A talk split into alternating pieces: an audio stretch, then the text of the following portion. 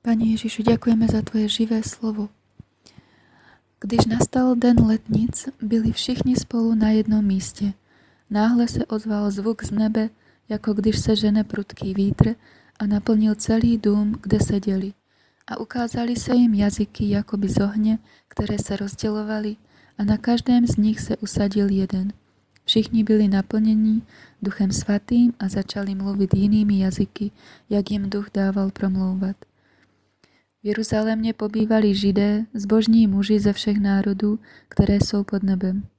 A když se ozval ten zvuk, sešlo se mnoho lidí a byli zmatení, protože každý z nich je slyšel mluvit svou vlastní řečí.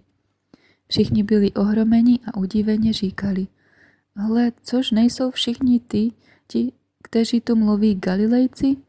Jak to, že každý z nás slyší svůj vlastní jazyk, ve kterém jsme se narodili?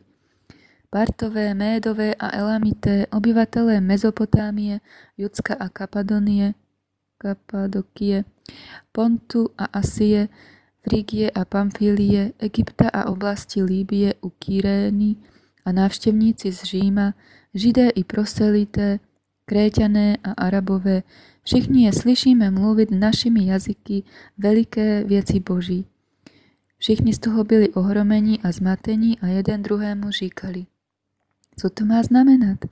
Ale jiní se posmívali a říkali, jsou opilí. Ďakujeme Duchu Svetý.